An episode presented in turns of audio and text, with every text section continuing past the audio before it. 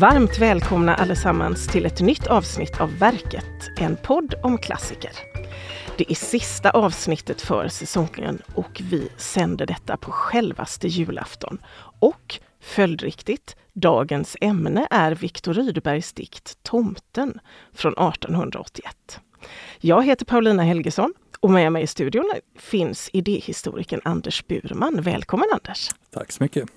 Nu får du berätta lite om dig själv. Ja, jag är professor i idéhistoria vid Södertörns högskola och håller på att skriva en biografi över Viktor Rydberg. Så det är väl därför jag får vara med här idag. Ja, men det känns väldigt bra med Rydberg-expertis i studion. Mm. Och innan vi kastar oss över dikten så tycker jag att vi ska läsa de två första stroferna. Kan du tänka dig att göra det? Ja, men gärna. Härligt. Mm. Uh, midvinternattens köld är hård. Stjärnorna gnistra och glimma. Alla sova i enslig gård djupt under midnattstimma. Månen vandrar sin tysta ban, snön lyser vit på fur och gran. Snön lyser vit på taken. Endast tomten är vaken. Står där så grå vid ladgårds dörr, grå mot den vita driva. Tittar som många vintrar förr, upp emot månens skiva. Tittar mot skogen, där gran och fur drar kring gården sin dunkla mur grubblar, fast ej det lär båta, över en underlig gåta. Tack Anders! Och det här med gåtan lär vi ju få anledning att återkomma till. Men vi börjar med att du får berätta lite för oss om dikten tycker jag. Ja, det är väl en av Rydbergs mest kända dikter. Eh, kanske en enda som fortfarande har så många har ett aktivt förhållande till. Inte minst så här i jultider. Så det har blivit en juldikt i mångt och mycket. Men jag tycker det är intressant att den första gången den publicerades så var det inte in, inför julen utan det var i februari 1881 i en, en veckotidning som heter Ny Illustrerad eh, Tidning. Ehm, men då innehöll den en berömd träsnittsillustration också, Jenny Nyström, där några scener från, från dikten finns. Det, det är tomten när han kliar sig i skägget och funderar över den här svåra gåtan som vi kommer att prata mer om. När han säger hej till sin vän hunden och när han tittar till de små söta mm, små barnen. Eh, och Rydberg själv tyckte att den där illustrationen var alldeles eh, förträfflig. Och den består av elva strofer, ganska idyllisk i den här första strofen, eller de första stroferna så målas ju scen, scenen upp. Och sedan så fortsätter den att kretsa kring den här gården och tomten som går omkring där och tittar till djuren och eh, allting annat och funderar på gåtan som han inte kan släppa, som, bara, som han slås av lite då och då. Och sen så publiceras den igen året efter i Rydbergs första diktsamling och det, det där är rätt anmärkningsvärt för den kommer då 1882 och då är han mer än 50 år gammal, eh, 53 blir det väl. Eh, så han debuterar som, med en hel diktsamling väldigt sent och, då är han redan etablerad som, som författare och han har eh, skrivit dikter i olika sammanhang tidigare. Men, men, och detta är då en av de stora numren redan från början kan man säga. Men du, på vilka sätt märker man att det här inte är en juldikt. För jag tror att de flesta förknippar ju den här dikten oerhört mycket med just julen och det är därför vi pratar om den nu i juletider. Ja, men tomten var ju, och det är väl vid den här tiden ungefär, liksom sent 1800-tal och mycket tack vare Viktor Rydberg och ännu mer då Jenny Nyström som, som tomten blir förknippad med, med julen mer och mer. Men från början så är det en gårdstomte Uh, eh, och sen så passar den ju väldigt, väldigt bra som en juldikt eftersom det är det här uh, kyl, midvinterkylan, mörkret, tystnaden och allting mm. sådant. Så det, den, är, den skapar ju en julstämning om man så vill, lite idyllisk och trevlig. Ja, och sen det är ju ingen röd tomte förstås. Nu, han står där så grå, så mm. står det ju faktiskt i dikten och han har, han har ingen tomteluva, han har en hett till Nej. exempel. Ja men verkligen. Det, det... Ja. Nej, men alltså, Dikten som vi pratar om idag, Tomten, mm. den är ju superkänd. Mm. Och folk läser den vid jul och den förekommer i antologier och sådär säkert. Men Viktor Rydberg är det ju inte så många kanske som har koll på. Jag tänker vi måste veta lite om författaren. Ja, det är, ju, det är verkligen märkligt det här hur, hur bortglömd han har blivit. För, eh, när han dog 1896 så var han ju verkligen en av de stora, mest hyllade författarna och det fortsatte han att vara flera decennier in, in under 1900-talet. Men så successivt så har han försvunnit ut från kanon kan man väl säga, eller åtminstone bort från de mer lästa författarna. Så av 1800-talsförfattarna så, så läser ju folk fortfarande så Almqvist och Strindberg och sen Selma Lagerlöf, kanske Victoria Benediktsson och en och andra. Men det är ju väldigt få som har något aktivt förhållande till Rydberg uppfattar jag det som. Utan då är det några nummer som, som finns kvar. Men i själva verket så var ju han en, inte bara en, liksom den bredaste författaren i sin samtid utan enligt många också betraktas som, som den främsta. Eh, och frågan är väl om han inte kanske är den lärdaste författaren åtminstone i den svenska litteraturhistorien överhuvudtaget. Han, han är verksam inom en mängd olika genrer. Han skriver prosa, han skriver de här stora liksom, romanerna som eh, Den sista atenaren och sen skriver han också korta fina romaner som Singoalla, dikter. Han är eh, verksam som essayist um, håller föreläsningar i filosofi, blir sedan professor. Den första är enbart konsthistoria vid, vid uh, Stockholms, universitet, eller Stockholms högskola hette det på den tiden. Och innan dess hade han också varit professor i kulturhistoria. Uh, och en av pionjärerna inom svensk bibelkritik. Och inom alla de där vad ska man säga, facken, områdena så, så gör han sig har han status att vara någon som man lyssnar på under 1800-talet. När föddes han? Så vi har hela hans tidsspann. 1828. Ja, och dog 1896. Ja, precis. Och, ja. han har ju väldigt spännande levnad också. För han, han växer upp i, i Jönköping och har en ganska trygg barndom de första åren. Men sen dör hans moder i eh, kolera, en stor kolera-pandemi, eller epidemi.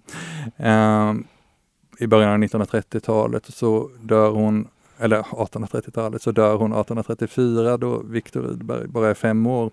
Och detta leder till att eh, fadern börjar dricka och familjen splittras och eh, Rydberg blir, Viktor Rydberg kommer bort från familjen, han blir fosterbarn kan man nästan säga. Och bor med olika eh, fosterföräldrar eh, ända till han ja, börjar studera så småningom i, i i Växjö där han går på gymnasium i två år och så tvingas han avbryta det också på grund av fattigdom som det verkar. Um, och sen så kommer han tillbaka till, till Jönköping och börjar då arbeta som uh, journalist på Jönköpingsbladet som en av tidens mest radikala liberala tidningar kring, och detta är då åren kring 1848 som är ett spännande revolutionsår i, i Europas historia, februarirevolutionens år.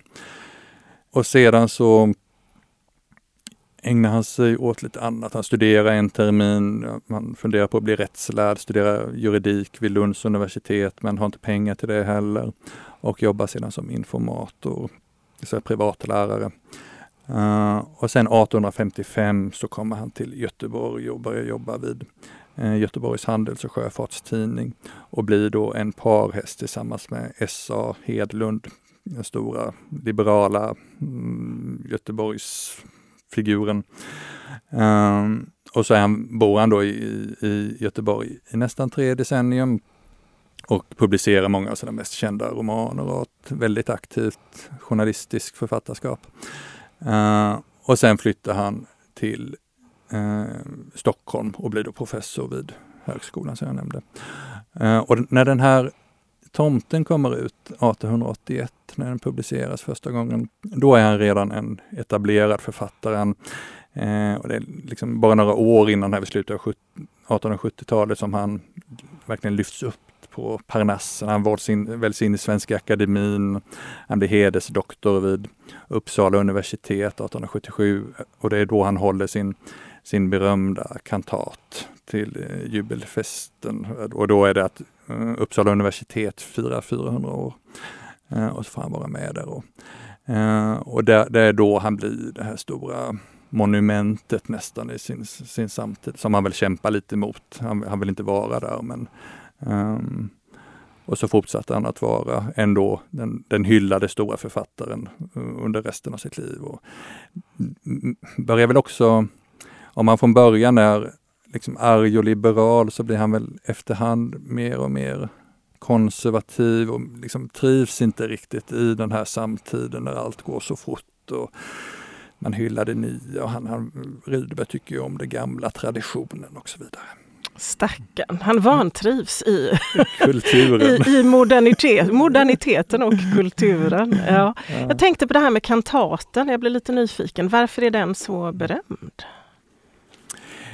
Mm, jo, men den, den, är, den tonsattes också, så den, den framfördes till, till musik där då på, på själva festen. Um, och, men den är väl mest känd, eller den, den är den uttrycker så väl Rydbergs högstämda idealism kan man säga, som passar väldigt bra under sena 1800-talet. Och, och, i den, precis som i, i Tomten, så, så ställer han de här stora, lite svåra frågorna. Eh, och det kan man säga att i, i varken i kantaten eller i Tomten så ger han några definitiva svar. Det tycker jag också är något av det mest sympatiska och kanske det det starkaste med Rydberg det är ju när han ställer frågorna, han, liksom, att han lever i frågorna. Eh, och de svar som han ger de är ju ofta väldigt tidspräglade.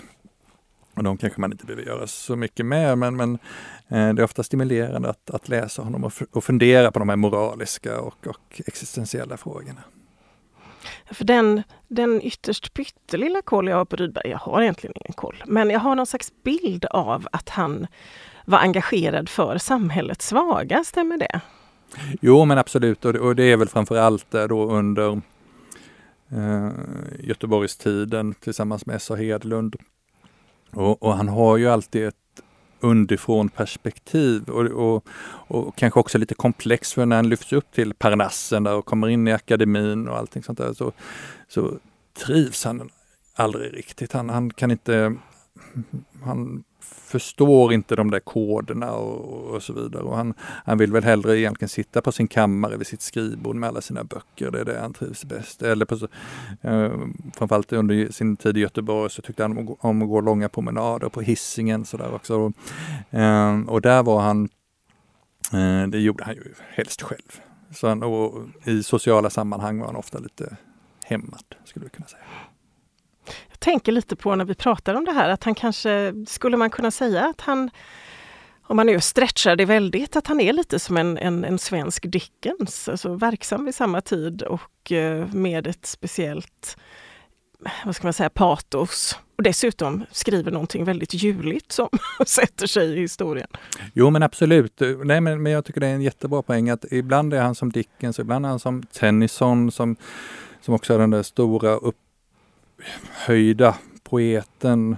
Uh, och ibland är han med som Almqvist kanske sådär och rör sig inom många olika genrer. Uh, ibland kanske han påminner om Tegnér med det där upphöjda, det eviga. Uh, och, och, det är väl det som är så fascinerande med honom att det, det finns de här olika aspekterna av, av Rydberg och samtidigt så finns det en rätt stark koherens i det hela, en enhetlighet som då, som jag tänker egentligen bygger på en, att han tämligen tidigt tar väldigt starka intryck av Platon och någon, någon form av idealism och han, han tror på de där mm, eviga värdena, det, det sanna, det sköna, det rätta och, och, och, så, och så vidare. Men han låter ju väldigt spännande som författare. Hur kommer det sig att han är så i skugga nu och att han faktiskt egentligen kanske inte är läst alls? Ja, det, det har jag funderat en del på och en sån här sak det, det är ju att han, han, han inkarnerar väldigt mycket 1800-talet, tänker jag. Det, och, det, och, ibland talar man om, om det insomnade 1800-talet, eller rena rama 1800-talet kunde man säga för inte så länge sedan i alla fall. Nu vet jag inte vad man säger. Men, uh, och jag tror att i Sverige brukar vi tala om att liksom ett, det stora brottet, att det kommer 1930 och sånt med Stockholmsutställningen och funktionalismen och allting sånt där. Alva och Gunnar Myrdal som, som kom med helt andra idéer och Rydberg han hör så mycket hemma i en förmodern värld. Så det, det, och den kunde man fortfarande hylla i början av 1900-talet och ja, fram till 1930 ungefär. Uh, så det, det tänker jag är ett första sånt där eh, avbrott. Och sen har jag en egen liten tanke som jag egentligen aldrig har utvecklat men, eh, men jag tror att han passar väldigt bra, eller passade väldigt bra ihop med läroverken som fanns, alltså den gamla parallellskolevärlden. Eh, och vi hade ju parallellskola i Sverige mellan 1842 och 1962, men fanns kvar egentligen ända till slutet av 60-talet. Och i de där läroverken och gymnasierna som var liksom mer humanistiskt inriktad, klassisk linje, där, där, älsk, där läste man väldigt mycket Viktor Rydberg och sånt. Och, och de här lärarna, läroverkslärarna och gymnasielärarna, de eh, tror jag många identifierade sig med Rydberg och tyckte det där var viktigt. Och sen när läroverken försvann, då försvann också ett skikt som hade hållit kvar vid Viktor Rydberg som någon stor hjälte. Och nu finns det ju knappt någon plats för honom alls. Förutom då kanske fortfarande, när jag gick i skolan så kunde man läsa Singoalla på gymnasiet och, och det har jag hört att, viss, att man fortfarande gör vid vissa skolor. Um, men annars är det ju de här enstaka eh, numren, alltså dikterna Gläns över sjö och strand och, och, och Tomten. Och, ja, det är ju också Rydberg. Ja, det är också Rydberg. Och, och, han, är, han är julig, ja. alltså kanoniserat julig på två ställen. Ja, precis, det är julpyntet. Ja. Uh, men, och sen finns det några andra dikter, sådär när, när det kommer ut stora diktantologier brukar man ju samla lite då och då. De är ju fantastiska att läsa men eh, då, där passar ju de här lite kortare eh, dikterna och Rydberg har också jättefina sådana här fyr, fyrradiga små fina dikter. Eh, och de kan man ju få med i sådana eh, volymer. Men hans mest ambitiösa dikter eh, det står Grottekvarnen och eh, de här, de är på flera sidor och det, det är ingen redaktör av diktantologi idag som vill ha 40 sidor Rydberg. Det, det har jag helt förstå, eller full förståelse för och då tror jag ja. inte heller att de där kommer in i den typen av, av kanonproduktion tyvärr. Alltså jag tänkte på det här, jag tycker det var en superintressant teori det här om mm. att det var ska jag säga, ett lager med lärare som mm. egentligen mm. höll, mm. höll Rydberg igång en bit in på 1900-talet. Men parallellskola, jag tror inte att jag vet exakt vad det är. En parallellskola, det, det, då var det ju att man eh, 1842 så fick vi ju folkskolan i Sverige. Mm, och mellan 1842 och 120, eller 120 år framåt från 1842 eh, så hade man ju då en enklare skola för, eh, för folket, för liksom, bönder och arbetare och deras barn framförallt. Eh, och sen så fanns det eh, en annan skolgång för eh, eliten skulle vi säga, med, med läroverk och gymnasier och sen vidare till, till universiteten och de där eh, var på det stora hela liksom helt fri, frigjorda från varandra eller friställda från varandra. Och där är det också intressant med Rydberg för han, eh, han växer ju då upp i, kan man säga, de, de första åren i något sorts medelklasshem. Hans, hans mamma jobbar som barnmorska och, och pappan är vakt på ett, eller chef skulle vi nästan säga, på ett, på ett fängelse, en gammal soldat. Eh, och, eh, men eh, när Eh, modern dör då, eh, och då är han fem år gammal, eh, då får han ändå börja i skolan och detta är ju före 1842 så det finns ingen självklar folkskola. Man får börja i, i en Lancasterskola kallas det i Jönköping som är, som är en sorts skola för de allra den mest elementära skolgången. Eh, och där utmärkte han sig och så blev han, då fick han gå, läsa vidare på, på läroverket till skillnad från sina syskon som inte fick det. Uh, och så fortsatte det att gå bra för honom och sen så fick han då studera vid uh, Växjö. Och det är också intressant för han gör ju en klassresa då och, det, och den gör han helt och hållet i, i bildningens tjänst eller bildningens namn och, och lärdomen. Så det, det, det, är genom det, inte, det är delvis att han får en ingång då att börja gå på eh, läroverk och gymnasium. Men det är typiskt att det avslutas efter två år och sen är han i allt väsentligt eh, autodidakt, alltså självlärd.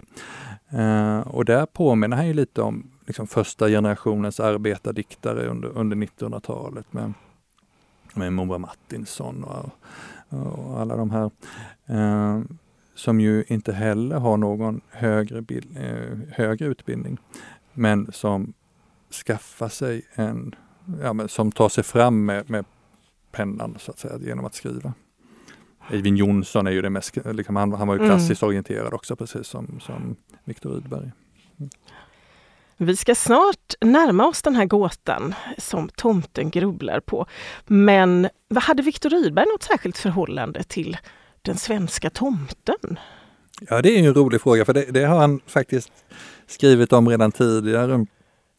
Och en, en annan sån där känd berättelse av, av Viktor Rydberg som länge lästes, det var ju den här Lilla Viggs äventyr på julafton som kom i början av 70-talet och som, som också är en liten, och den var ju direkt skriven som en julberättelse. Det var S.A. Hedlund som, som bad Rydberg skriva om, om ja, en liten julberättelse, så gjorde han detta. Men ytterligare innan dess, detta så var det 1857 om jag minns rätt, så hade Rydberg en liten Eh, tidskrift kan man säga, en veckotidskrift. Eh, eller varannan veckos tidskrift som han gav ut tillsammans med en redaktörskompis på eh, Göteborgs Handels och Sjöfartstidning, heter eh, Philipsson. Och deras tidskrift hette Tomtebissen. Och den hade då en liten tomtenisse som sin symbol eller vad man säger. och det skriver Rydberg och Philipsson också om den där tomten, att de har valt den som symbol för att det ska vara en så trogen bild som möjligt av en äkta tomtebisse. Den ska vara glad på ytan men allvarsam på botten. Godlynt men därför inte vad man kallar flat. Och att den där tomten då också är lite, den, den är snäll mot de vänliga men de är det lumpaste och dåligas avsvurna fiender och göra elakt folk så många spratt som de kunna hitta på. eh, och det ser man ju inte hos den här tomten, alltså 1881. Då har den där elaka sidan kommit bort nästan helt och, och det tror jag också är någonting eh, typiskt då. Eh, för, för tomtens transformation under, under senare delen av 1800-talet. Eh, men han lockas tydligen av den här lilla tomtefiguren som då inte är någon jultomte någon gång egentligen hos, hos eh, Rydberg, utan det, det, är en liten gårdstomte som är grå. Eh, en gång nämner han faktiskt i en, i en artikel i, i Tomtebissen att eh, luvan är röd. Och det, det, är också lite spännande för då, då, är det någon som, ja. som eh, också kommer att tänka på, för då är det ingen tomte, liksom så lua som vi tänker nu, utan en, en hetta. Men en sån där röd hetta, det kan se ut som en sån där eh, röd revolutionsmössa som man hade under franska revolutionen. Eh, det är lite spännande. Det är lite spännande och jag, kanske det är en övertolkning men, men, eh, men det, jag tänker tomten här 1881 hos Rydberg är tomt Eh, den gamla gårdstomten men tycks också vara lite förstorad. Det är, liksom, det är ingen liten figur utan det, känns som han är, är, lite större. Men sen så är det då eh, Jenny Nyström som redan hade skri- eh, gjort illustrationerna till Lille Vigg när hon var väldigt ung. Eh, eh, men, men det är hennes illustrationer här som där, där Eh, som, där det blir den här röda tomten som vi känner igen idag och sen så kommer den att kommersialiseras via Disney och, och Coca-Cola och allting sånt där. Det blir den där stora fryntliga skrattande gubben. Men så är det ju inte hos Viktor ännu. Jag tycker vi är mycket tacksamma för det faktiskt. Att det inte Men, är det? Eller ska vi vara tacksamma det, för nej, nej. till Disney? Att, att, det inte är det. Nej, det är um, jag är lite fascinerad över att det är en tomtebisse med B. Bissar i min värld, det är tänder i någon slags barnspråk. Man sa till sina barn att de skulle borsta bissarna. Men uh, det kanske bara är väldigt lokalt eller väldigt familjärt. det borde ju vara Göteborgs lokalt i sådana fall, ja. tänker jag. Alltså, men tomtebisse istället för Nisse då. Men, ja. Mm. Men det var ett veder, jag liksom grottar in mig i det här nu, men eh, det var liksom ett vedertaget ord, en tomtebisse. Som en liten tomte så att säga. Ja, jag tror det. Ja. Och den där tomt, tomtenissen eller tomtebissen förekommer också i, i andra sammanhang. Så det är inte bara Viktor Rydberg som, som är upptagen med detta. Och, eh, utan det är andra författare som också skriver om den där. Eh, utan då alla de och det, det, är lite svårt för oss att läsa om tomten idag på, på detta sättet, att det skulle vara någon sorts spännande figur på det sättet, utan vi, vi har ju vår klara bild av, av tomten. Men eh, man får försöka bortse från den när man närmar sig mm. tio, eller mitt, tomteskildringar från mitten av 1800-talet. Men nu tänker jag att vi kastar oss över den här gåtan som tomten går och grubblar på. Och dikten säger grubblar fast ej delar båta. Och båta det betyder det tjänar ingenting till. Alltså det hjälper inte att han grubblar på den antar jag. Mm. Det är ju inget enkelt ord för en modern läsare. Nej, det finns en hel del ord i den här um, dikten som uh, vi inte använder, de flesta av oss inte mm. använder idag. Så Men va, vad, är det, vad är det tomten grubblar på egentligen? Ja, eh, först kan man ju säga att Rydberg presenterar den där gåtan väldigt fint tycker jag. För, eh, jag läste ju de första två stroferna där. Eh, och i den andra så sägs det då att han grubblar fast ej eller båt över en underlig gåta. Och sen så i den följande strofen så säger han också att, eh, att den gåtan är alltför svår, att, att han inte kan gissa svaret på den. Eh, och det är så gåtan presenteras, man får inte reda på vad det är. Men sen så kommer den tillbaka under diktens gång och den är ju bara elva strofer. Men, um, och som jag läser det så handlar den här gåtan till sist om vadan och varthän som Rydberg tyckte om att säga. Alltså varifrån vi kommer och vart vi är på väg. Rydberg är ju en, en eh, religiös människa eh, tänker sig att vi på något sätt lever vidare då efter vår, vår tillvaro på, på, under jordelivet. Och det är ju liksom målet då, åt, vartåt det barkar hän. Eh, men sen har han också en, en spännande tanke att det måste ju också finnas någonting före vår tillvaro. Eh, och det är då preexistensläran som han skriver flera texter om eh, på framförallt 70-talet och 80-talet. Eh, och den här dikten då, tomten som går och funderar på då, det är, det är just det, varifrån kommer vi och vart är vi på väg? Och jag tycker också när man läser dikten här så är det tydligt, tänker jag, att, att det är väldigt mycket en cirkulär tid som går igen. Och, och det, där är det ju typiskt att den har blivit en juldikt kan man säga då, för den liksom går igen vid, vid eh, varje jul. Eh, som en ritual för många människor. Men här har vi månen som rör sig, månens bana. Eh, det är årstiderna. Det är djuren som, som, är, som inte, för den här tomten går omkring på gården och tar hand om djuren och hälsar på dem och ser att de har det bra. Eh, och de kan liksom längta lite till sommaren, till hästen längtar efter grönt hö och, eh, eller färskt hö och, eh, och så vidare. Det är en flyttfågel som, som kommer komma tillbaka. Men allt det där är cirkulärt. Och sen så, eh, och det är liksom djurens tid någonstans. Och sen så förstår man här att tomten är, måste vara väldigt gammal. För han har sett flera generationer av människor på den där gården. Eh, och, och, då är män, även människorna då, de föds, växer upp, åldras och dör. Det är också någon sorts cirkularitet. Och tomten ser detta.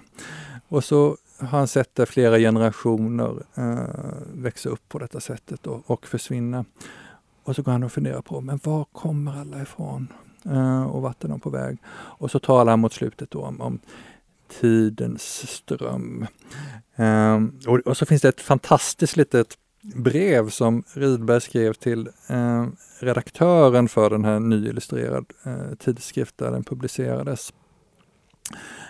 samtidigt som han skickade dikten så, så beskrev han den här dikten lite grann och, och han jättefin liten utläggning av, av tomtarna då, eh, där han säger att eh, tomtarna är i allmänhet små positivister före August Comte och att de då medförd ande, andebegränsning nödgas uteslutande hålla sig till det jordiska. Eh, men, men när, när de gör detta, även tomten då drabbas ibland, uppstiger hans själ aningar om en annan värld, aningar som har knutit sina erfarenhetsrön om uppkomst och förgängelse. Och den herakleitiska världsfloden Pantarei. Och det med positivisterna tycker jag är så roligt, för det var ju en av tidens stora modeinriktningar, filosofiska modeinriktningar under, under 1800-talet. Och positivisterna med August Comte och i spetsen, de säger att nej, men vi ska inte bry oss om de där stora frågorna. Vi sätter varför-frågan inom parentes, utan vi ska bara observera naturen som den är. Eh, och sen eh, göra teorier utifrån det lag, lagbunden, lagbunden, se olika lagbundna sammanhang. Eh, och, och, tomten är ju också, precis som de positivisterna, en, en um, observatör. Han, han, han tittar på, till, eh, på, de, på de andra, ser på dem utifrån. Eh, men trots detta så drabbas även han av de här aningen om att det måste finnas någonting annat. Så han kan inte nöja sig med det, även om han är en liten positivist. och, och, och Rydberg, han, han gör ju inte då som positivist, han grottar ju tvärtom ner sig i den där varför-frågan. Det är den han hela tiden återkommer till. Han, han kan inte släppa den. Uh, och det är kanske därför han är, tycker jag, en av anledningarna till att han fortfarande är läsvärd. Att han, det är åter de där stora frågorna som han ställer och som man kan fundera på. Så det är under juluppehållet när man inte ska jobba så mycket så kan man sitta där, men varför? Ja, det är, det är väldigt bra. Alltså var lite, lite mer filosofisk över jul och grubbla över existensen. Ja, precis. Men alltså för det jag tänker när jag hör det här, det är ju varifrån kommer vi, vart är vi på väg? Det är ju nästan samma sak som att fråga, finns det någon gud? Liksom. Det är, men du mm. sa att Rydberg var troende, så mm. att det är egentligen inte den frågan han ställer, finns Gud? Utan är det någonting annat? Jag, jag blir lite fascinerad ja, nej, av det här. Precis så. Och det, jag tror inte det är någon tillfällighet att han ställer de här frågorna samtidigt som eh, en mängd andra författare, Dostojevskij, Nietzsche, de, de liksom deklamerar Guds död och liksom det, det är en stor problematik i, i samtiden, den här sekulariseringen och, som Rydberg också bidrar till på sätt och vis när, när han skriver om Bibelns lära om Kristus som, som en tidigare text som, där han då gör upp med den kyrkliga dogmtron kan man och säga att vi, vi måste lyfta fram Jesus som, en, som ett föredöme, ett etiskt föredöme och sånt. Men, men han håller ändå kvar vid sin uh, barndomstro i, i den här tomtedikten då så, så finns den där, de stora frågorna i bakgrunden, alltså Guds död. Och på samma sätt så kan man ju säga att här, när man läser dikten så finns det ingenting av industrialiseringen, urbaniseringen, den allmänna rationaliseringen. Eh, det är ju inte direkt märkbart i dikten, men jag tror ändå att den är skriven man kan läsa det mot bakgrund av detta och så är det liksom en liten längtan tillbaka till någonting mer idylliskt kanske, eller någonting sådant. Och det är en annan sån där kontext som man inte heller ser som jag tycker är väldigt spännande, eller ett annat sammanhang. Det är det litterära sammanhanget här på Vitinen. Två år tidigare så hade Strindberg publicerat Röda rummet. Eh, och, och liksom det är en helt annan typ av fart och rörelse hos, hos um, snabbhet hos, hos Strindberg och det är den här tiden som Georg Brandes, eller redan tidigare, har sagt att låt oss ställa problem under debatt, att, att eh, författarna ska engagera sig i samhällsutvecklingen och allting sånt där, diskutera om sedlighetsfrågan och allting sånt där. Det unga Sverige kommer fram och, och där passar ju inte Rydberg in och det, det är också typiskt att han under det decenniet då han publicerar tomten, det vill säga 1880-talet, då grottar han ner sig i, i eh, germansk och fornnordisk mytologi och liksom vänder blicken bort helt från samtiden. Och sen så får han en viss, är han mer i takt igen med, med tiden, kan man säga på 1890-talet när, när de här nationalromantikerna kommer med Levetin och Verner von Heidenstam och allt vad de heter. Och det, det, då passar han betydligt bättre in. Men just, just här 1881 då, då har han svårt att orientera sig. Ja, och det är ju lite, det är nästan som en tanke det här för att anledningen till att tomten har blivit en juldikt, det är också att den ger oss idag en möjlighet att vända blicken bort ifrån vår modernitet. Mm. Alltså den här bilden av det idylliska gamla Sverige som vi på något vis dammar av varje jul. Mm, nej men verkligen, jag tänker att eh, jag hörde på ett radioprogram här för några veckor sedan någon som sa att eh, nu kommer barnen hem och lajvar att de är barn igen och liksom låtsas att nu är det jul och så ja. spelar vi alla med i det spelet. Men, eh, och då kanske vi kan lajva lite Viktor Rydberg också. Men vi vet ju att det inte är på riktigt. Men det känns ju ändå trösterikt att vi i alla fall lajvar jul tycker jag. jag ja, tror egentligen att vi, vi vill göra någonting mer men vi kanske har svårt att landa i det här med den riktiga julen som vi tänker på den, alltså den gamla nostalgiska julen. Mm. Ja, nej, nu fastnade vi och spekulerade om julen, det ska vi inte göra, utan vi ska återvända en liten stund till dikten mm. innan vi faktiskt måste runda av för idag. Nu har det ju låtit som att jag utgår ifrån att du tycker om den här dikten Anders, men gör du det? Vad tycker du om dikten egentligen? Nej, men jag tycker att det finns bättre dikter av eh, uh, Rydberg rent litterärt och kanske också filosofiskt. Men, men det är någonting väldigt, och jag har ju läst den nu inför det, att vi skulle prata om den. Jag har liksom återkommit till den och läst igenom den många gånger och lyssnat på olika uppläsningar. Och, och den, den, det är någonting väldigt fint med det här blandandet av det idylliska, det lugna och det stilla och ändå kunna ställa de här stora frågorna som, som man kan fundera på. Och det där tänker jag är någonting typiskt för Rydberg. Det är liksom det, ibland kan det vara lite smetigt och kletigt men, men så är det också någonting som, som lyfter detta. Um, så på det sättet så kan man väl säga att jag tycker om dikten. Men, men det är också så när man håller på med olika saker, det är, liksom, det, det är bortom bra och dåligt efter ett tag. Utan ja. det, det, är liksom mer intressant. Så kanske. Jag tycker det är en intressant dikt på många sätt. Alltså, för mig är den ju cementerad i mitt julinre och det har ju ingenting att göra med hur den är egentligen. Det är bara det att för mig är den verkligen en, en juldikt. Eh, mm. Just för att det var så den, det var då den dök upp mm, när man var liten. Mm. Är det någon strof du tycker bäst om? Är det någon strof som är särskilt vacker tycker du? Eller den måste inte vara vacker men innehållsrik? Nej men det är ju de som handlar om, om gåtan helt klart. Men de har vi väl tagit upp de flesta. Det finns några fina beskrivningar av av eh, tomten också. För, eh, han går omkring där på gården då och säger hej till alla djuren, tar hand om dem. Men sen, men sen är det också en liten beskrivning av, av tomten när han har gjort allt detta, när han har sett till eh, husbondefolket är kära och, och sett de, de små söta barnen då och, och, det är hans största lycka att se på de där barnen. Det är också lite suspekt kanske. Men, och, och här kan man också se att det, det är bara eh, Rydberg i den här dikten är väldigt han har verkligen mannen som norm. Eh, det, ja. det är rakt igenom. Så det, det, det är tomten som ju uppenbar är man. Och det, det så talar om far och son och så vidare. Och också djuren tycks vara av hankön. Men, men det finns också några fina skildringar av, av tomten själv. En sån där söt som jag tycker är, som kanske är en av de mer kända. Eh, genom en springa i ladans vägg lyser månen på gubbens skägg. Strimman på skägget blänker.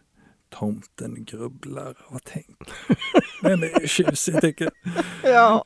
Och sen så då mot slutet här när, när, när gåtan då till sist liksom, för, som jag sagt, så, för, från början så antyds den, sen så kommer den tillbaka och sen så till sist så talas det rakt ut och då är det tomten lyssnar och halvt i dröm tycker sig höra tidens ström. Undrar vart hän den skall fara. Undrar var källan må vara. Och den tycker jag är väldigt tjusig. Ja, det är jättefint. Och sen är det också någonting fint här faktiskt med men just det där det cirkulära som jag sa med tiden, för även dikten är ju cirkulär. Eh, mm. Alltså det, det, första strofen och sista strofen, de är ju nästan identiska. Det, det, är några ord bara som, som har ändrats där mot slutet. Så den, de här olika temporaliteterna, de kan man säga också finns i diktens utformning på ett ganska elegant sätt. Det är väldigt snyggt och för er som inte har tänkt på det, titta närmare på första och sista strofen se på den innebördsförskjutning som faktiskt äger rum där. Men jag tänker att vi får sluta med att fråga dig Anders, kommer tomten fortsätta vara en julklassiker tror du? Nej men vi människor vi är ju vanedjur, de flesta av oss i alla fall, och vi tycker om att fortsätta med sådant som vi eh, har gjort tidigare. Inte minst när det gäller högtider som, som eh, jul. Eh, så det är säkert många som kommer att fortsätta att recitera denna och fundera på denna under, under juletiden. och sen skulle det kunna vara så nu i dessa tider också när vi talar om kanon, att den blir liksom en del av den här om det nu blir någon, jag tror det är ett hopplöst projekt på sätt och vis, men, men mm. om, om, det skulle bli någon uh, kanon sådär som är mer uttalad, då, då, skulle det vara rätt rimligt egentligen att tomten ingår där av Viktor Rydberg. Uh, och det tror jag kanske inte är önskvärt, utan jag får hoppas att Viktor Rydberg och hans dikter och kanske en och annan av hans andra texter fortsätter att läsas av andra skäl än att folk säger åt dem att detta måste ni känna till. det tycker jag var ett bra svar Anders. Och med detta så säger jag ett stort tack till dig Anders för att du var med och lärde oss en massa saker om Viktor Rydberg och tomten. Tack själv, det var jätteroligt att prata med dig. För er som vill läsa Hela tomten eller lyssna på Hela tomten så är det bara att gå till litteraturbanken.se och det finns också en direktlänk på anekdot.se. På Litteraturbankens ljud och bildsida finns det också en julgodislänk där vi har länkat inte bara till tomten utan också faktiskt till Lillevigs äventyr på julafton som vi pratade om tidigare och massor med annat juligt för den som vill roa sig med det under mellandagarna och kanske en bit in på det nya året för att hålla kvar julkänslan. Jag säger tack för mig och Anders för idag och god jul till er alla som lyssnar. Du har lyssnat på Verket, en podd om klassiker, producerad av bildningsmagasinet Anekdot i samarbete med Nationalmuseum och Litteraturbanken. Alla avsnitt samt fler poddar, filmer och essäer hittar du på anekdot.se.